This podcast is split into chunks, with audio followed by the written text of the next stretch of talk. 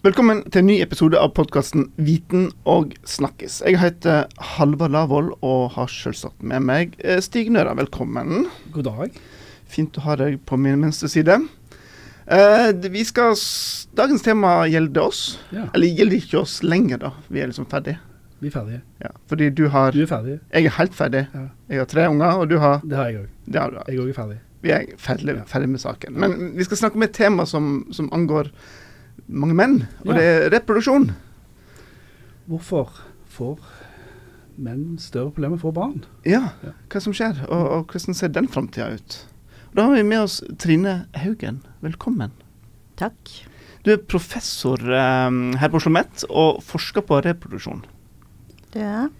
Eh, og da er første spørsmålet stemmer det at uh, sædkvaliteten hos menn blir dårligere og dårligere? Ja, det er eh, faktisk noe som tyder på det. Fordi det har gjort noen store studier. Eh, En på begynnelsen av 90-tallet som viste at eh, det hadde vært en nedgang over mange tiår. Den ble mye diskutert, og det er vanskelig å si at dette er sikkert.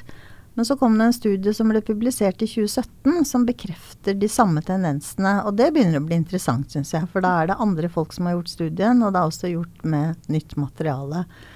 Eh, Så vi har vel grunn til litt bekymring, i hvert fall. Gjelder dette i Norge, Europa og verden? Har vi noen Altså De studiene som er gjort, de omfatter hele verden. For det er en sånne meta-analyser som det heter, hvor du tar studier som er gjort tidligere. Så det dekker hele verden. Bortsett fra det er alltid noen eh, folkegrupper kanskje, eller land som ikke er inkludert av forskjellige årsaker. Sånn at man kan ikke si nødvendigvis at det er representativt for alt som skjer. Men for nordmenn så kan man vel tenke seg at vi er i det sjiktet som uh, kan tenkes å være innunder paraplyen der. Mm. Men helt sånn grunnleggende nå. Hva vil det si å ha dårlig sædkvalitet? Ja, det er også interessant, for det tror jeg ikke mange egentlig vet hva er. Og forskerne misbruker av og til dette, fordi sædkvalitet det kan eh, måles på mange forskjellige måter. Og det som er lettest, er å telle celler. Det er ikke så lett det heller, da, men eh, det er i hvert fall noe som mange gjør. Og så kaller man det sædkvalitet. Det er altså disse her som svømmer av gårde og som Ja. skal treffe Ja, men eh, nemlig. Og det Antallet har jo selvsagt betydning, men de kan jo være i dårlig form, da. Så da, det ikke, da hjelper det ikke om det er veldig mange av dem. Mm. Så for å si noe om sædkvalitet, så bør man gjøre flere undersøkelser. Så Verdens helseorganisasjon eh, de har utarbeida en manual, en slags håndbok, hvordan man skal gjøre en standard sædanalyse. Så jeg var med på det arbeidet. Det var veldig interessant, for det er mange meninger om dette. Men uh, de landa i hvert fall på et visst sett kriterier, da. Og det er antallet, hvordan de beveger seg selvsagt, hvordan de ser ut, og om de er levende eller døde. Så kan man kanskje liksom sammenfatte det sånn. Men det, ja. Ja. Den medisinske teknologien har blitt såpass bra at nå kan man gjøre bedre analyser av Ja, altså Det er jo også noe som er litt spesielt, fordi med CD-analyser så bruker man egentlig nesten det samme som man gjorde på 50-tallet. Uh, og grunnen til det er at uh, det er gjort masse fancy ting, og mye, mye nye metoder dukker opp, men man har ikke klart å se det i sammenheng med fruktbarheten. Og det er liksom, da vet man ikke helt hva betyr det. Så det er jo en av de tingene som vi har lyst til å utfordre litt, da, for vi skal jo bruke kunstig intelligens for å, å se om det kan hjelpe til med å si noe om setkvaliteten. At man ser på f.eks. bevegelse på en litt annen måte enn det menneskelige øyet under mikroskop. Nettopp. Men du sa, du sa døde sædceller, så det betyr at du kan rett og slett sende fra deg døde sædceller fra, Ja, det er ikke alle sædcellene som lever i et ejakulat. Så, og noen ganger så er sædcellene helt urørlige. Det kan skyldes gener, at de lever og ikke rører på seg. Eller det kan skyldes at de er døde. Og det er viktig å finne ut av det, da. Mm.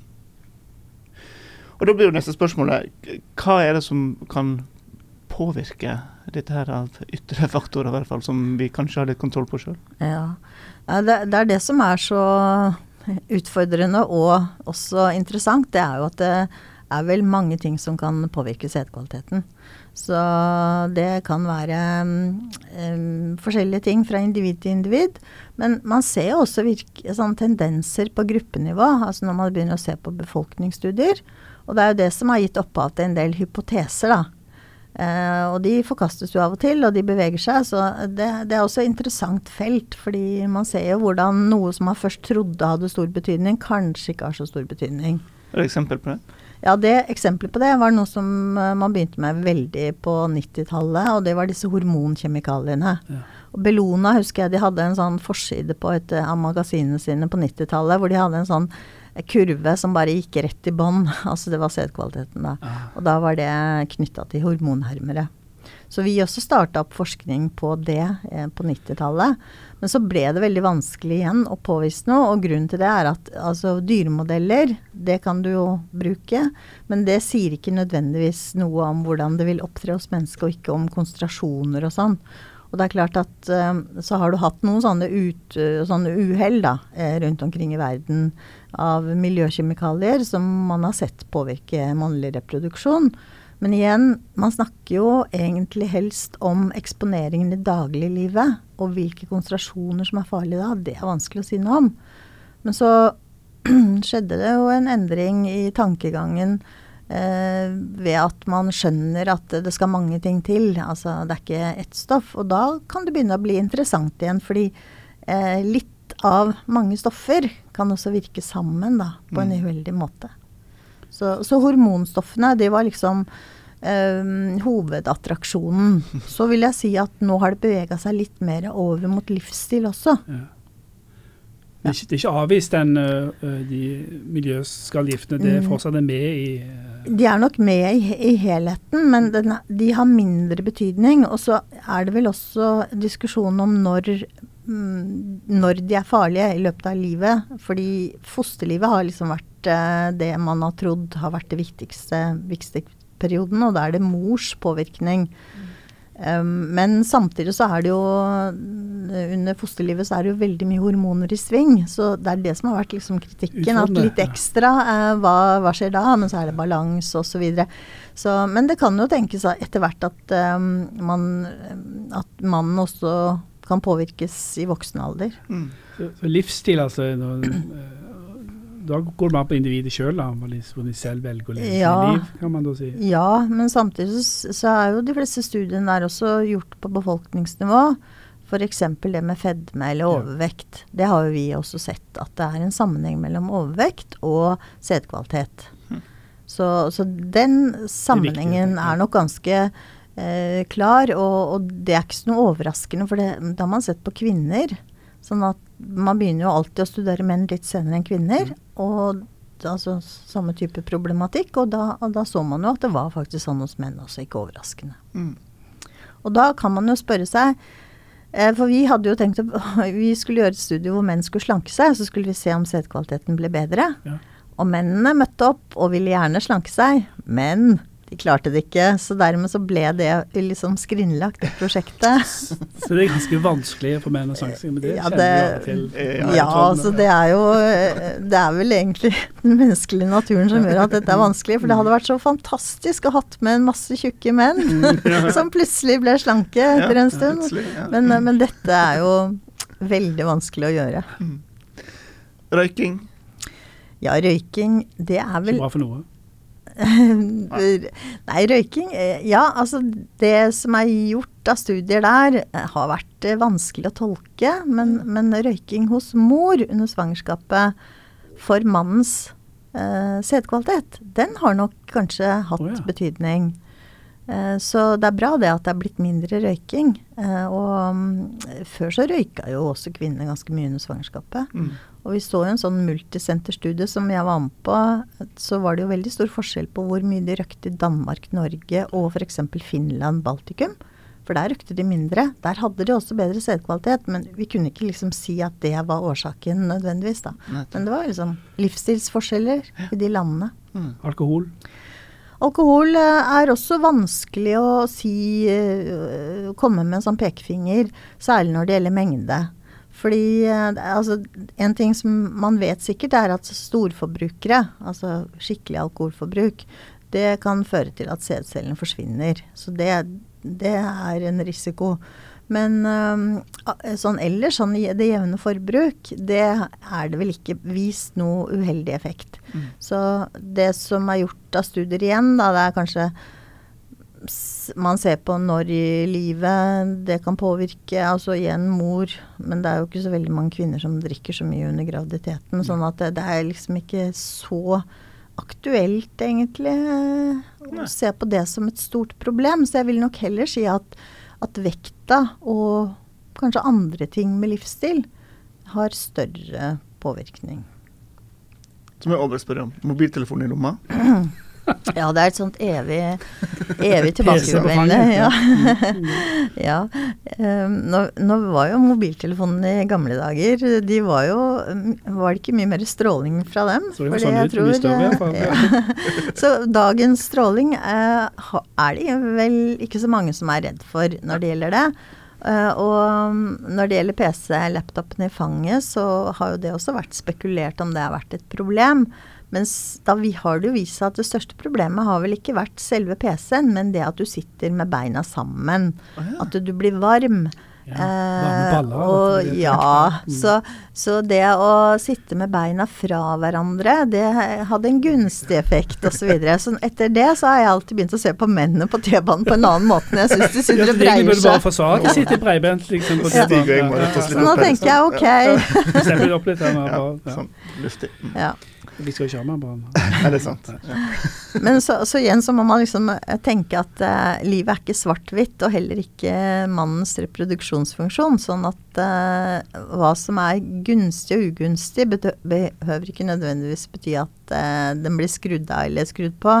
Det er viktig å vite, for mye av de studiene som er gjort, er jo gjort på befolkning. Så akkurat hva det ene individet, det er vanskelig å si. Men jeg tenker En fordel med at det er livsstilsbasert, er at du faktisk kan gjøre noe med det da, i større Ja. grad enn hvis det øh, miljøgifter. vil jeg tro da. Så det er jo, Selv om du plasserer mer ansvar hos den enkelte. Men øh, så hva, hva, hva kan man gjøre? Altså, Vet man noe om det? Ja, uh, det- altså det er viktig det du sier det med ansvar hos den enkelte. For det er klart at uh, vi ønsker at samfunnet skal ta ansvar. Og når det gjelder kjemikalier og sånn, så er det jo det. Da må det jo være noen reguleringer som gjør at man ikke eksponeres. Og så kommer det med det individets ansvar. Og det er klart at øhm, man kan ikke love en, øh, en øh, overvektig mann med dårlig sædkvalitet at den blir bedre. Men jeg ville jo tenke at øh, Fordi det har man sett på kvinner, at går du ned ti kilo, så plutselig så blir du gravid. Så, så selv om ikke det er så enkelt nødvendigvis, så, så vil jeg tenke at hvorfor ikke eh, gå ned og prøve å leve litt sunt. Men hvis du får besøk av en mann 40 år som ikke har fått barn ennå, og som har dårlig sædkvalitet, er det noen muligheter for å hjelpe?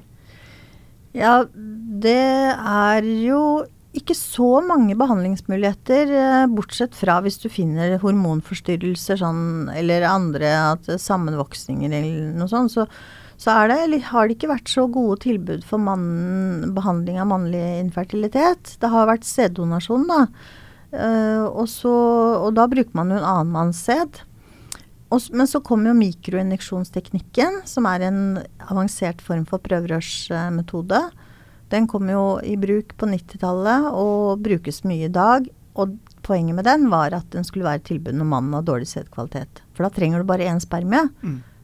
eh, Da går du inn teoretisk og sett. hente ut Ja, det kan du også ene. gjøre, men du kan også bruke det, de få spermiene som kommer i ejakulatet da, på vanlig måte. Det var jo sånn det begynte, men nå er det jo så avansert at man kan ta ut eh, umodne celler fra testikkelen også, og gjøre mm, behandling med det.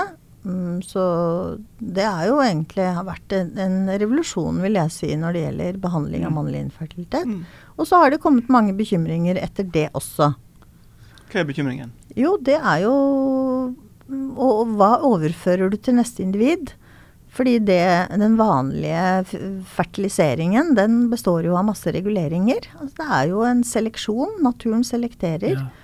Og du hopper jo over en del av de trinnene. Jo mer avansert du gjør det, jo mer liksom la, lengre fra naturen du gjør det, eh, naturens vanlige måte å gjøre det på, så jo mer eh, hopper du over. Så selv om da det ikke blir født flere barn med misdannelser nødvendigvis, eh, der er det også litt diskusjon, men det har ikke vært noe sånn alarmerende det, så tenker man litt mer hva skjer i neste generasjon. Det er det man har begynt å tenke litt mer på. Overfører du dårlig, eh, dårlig sædkvalitet f.eks. i neste generasjon. Så, så, det er klart at det er ikke så enkelt nødvendigvis. Men, men det er klart at uh, de som ønsker seg veldig barn, de tenker ikke, og skal vel heller ikke tenke så veldig mye på dette. For det er igjen myndighetene, vil jeg si. Hva som, ja. Men, men barneønsket er sterkt, og stort sett så går det jo bra. Så det er jo det som Altså stort sett så går det bra med det barnet da, som blir født på den måten. Men det er vanskelig å regulere òg, folk reiser til utlandet. gjør det, det, det, er en annen ting, vet du. At uh, du har jo en reproduksjonsturisme som, uh, som også gjør at det er vanskelig å regulere. Men en ting jeg tenker på, altså, at foreldre blir eldre, altså, nei, at de velger å utsette for barn Mm. Alder, det spiller det òg inn, eller det Ja, det er jo litt så ubehagelig for menn å tenke på det, da. Ja. Men for, det er jo, for kvinner har jo dette vært så opplagt, fordi du har overgangsalder, og så synker fertiliteten ganske mye etter 35 år. Og man vet jo også at det, det, er noen sykdommer, risiko for noen sykdommer eller tilstander som øker. Uh, men uh, mannen har liksom gått litt klar av de diskusjonene. Og det er jo nå mange menn som får flere kull, og da er de nødvendigvis litt eldre etter hvert. Men da kan man jo også fastslå at uh, alder har noe å si for mannen. Men så er spørsmålet hvor mye. Der er det ikke helt klart ennå. Og, og, det er en økt sykdomsrisiko for noen, for noe altså, som er forbundet med alder. Men det er ofte litt sjeldne sykdommer.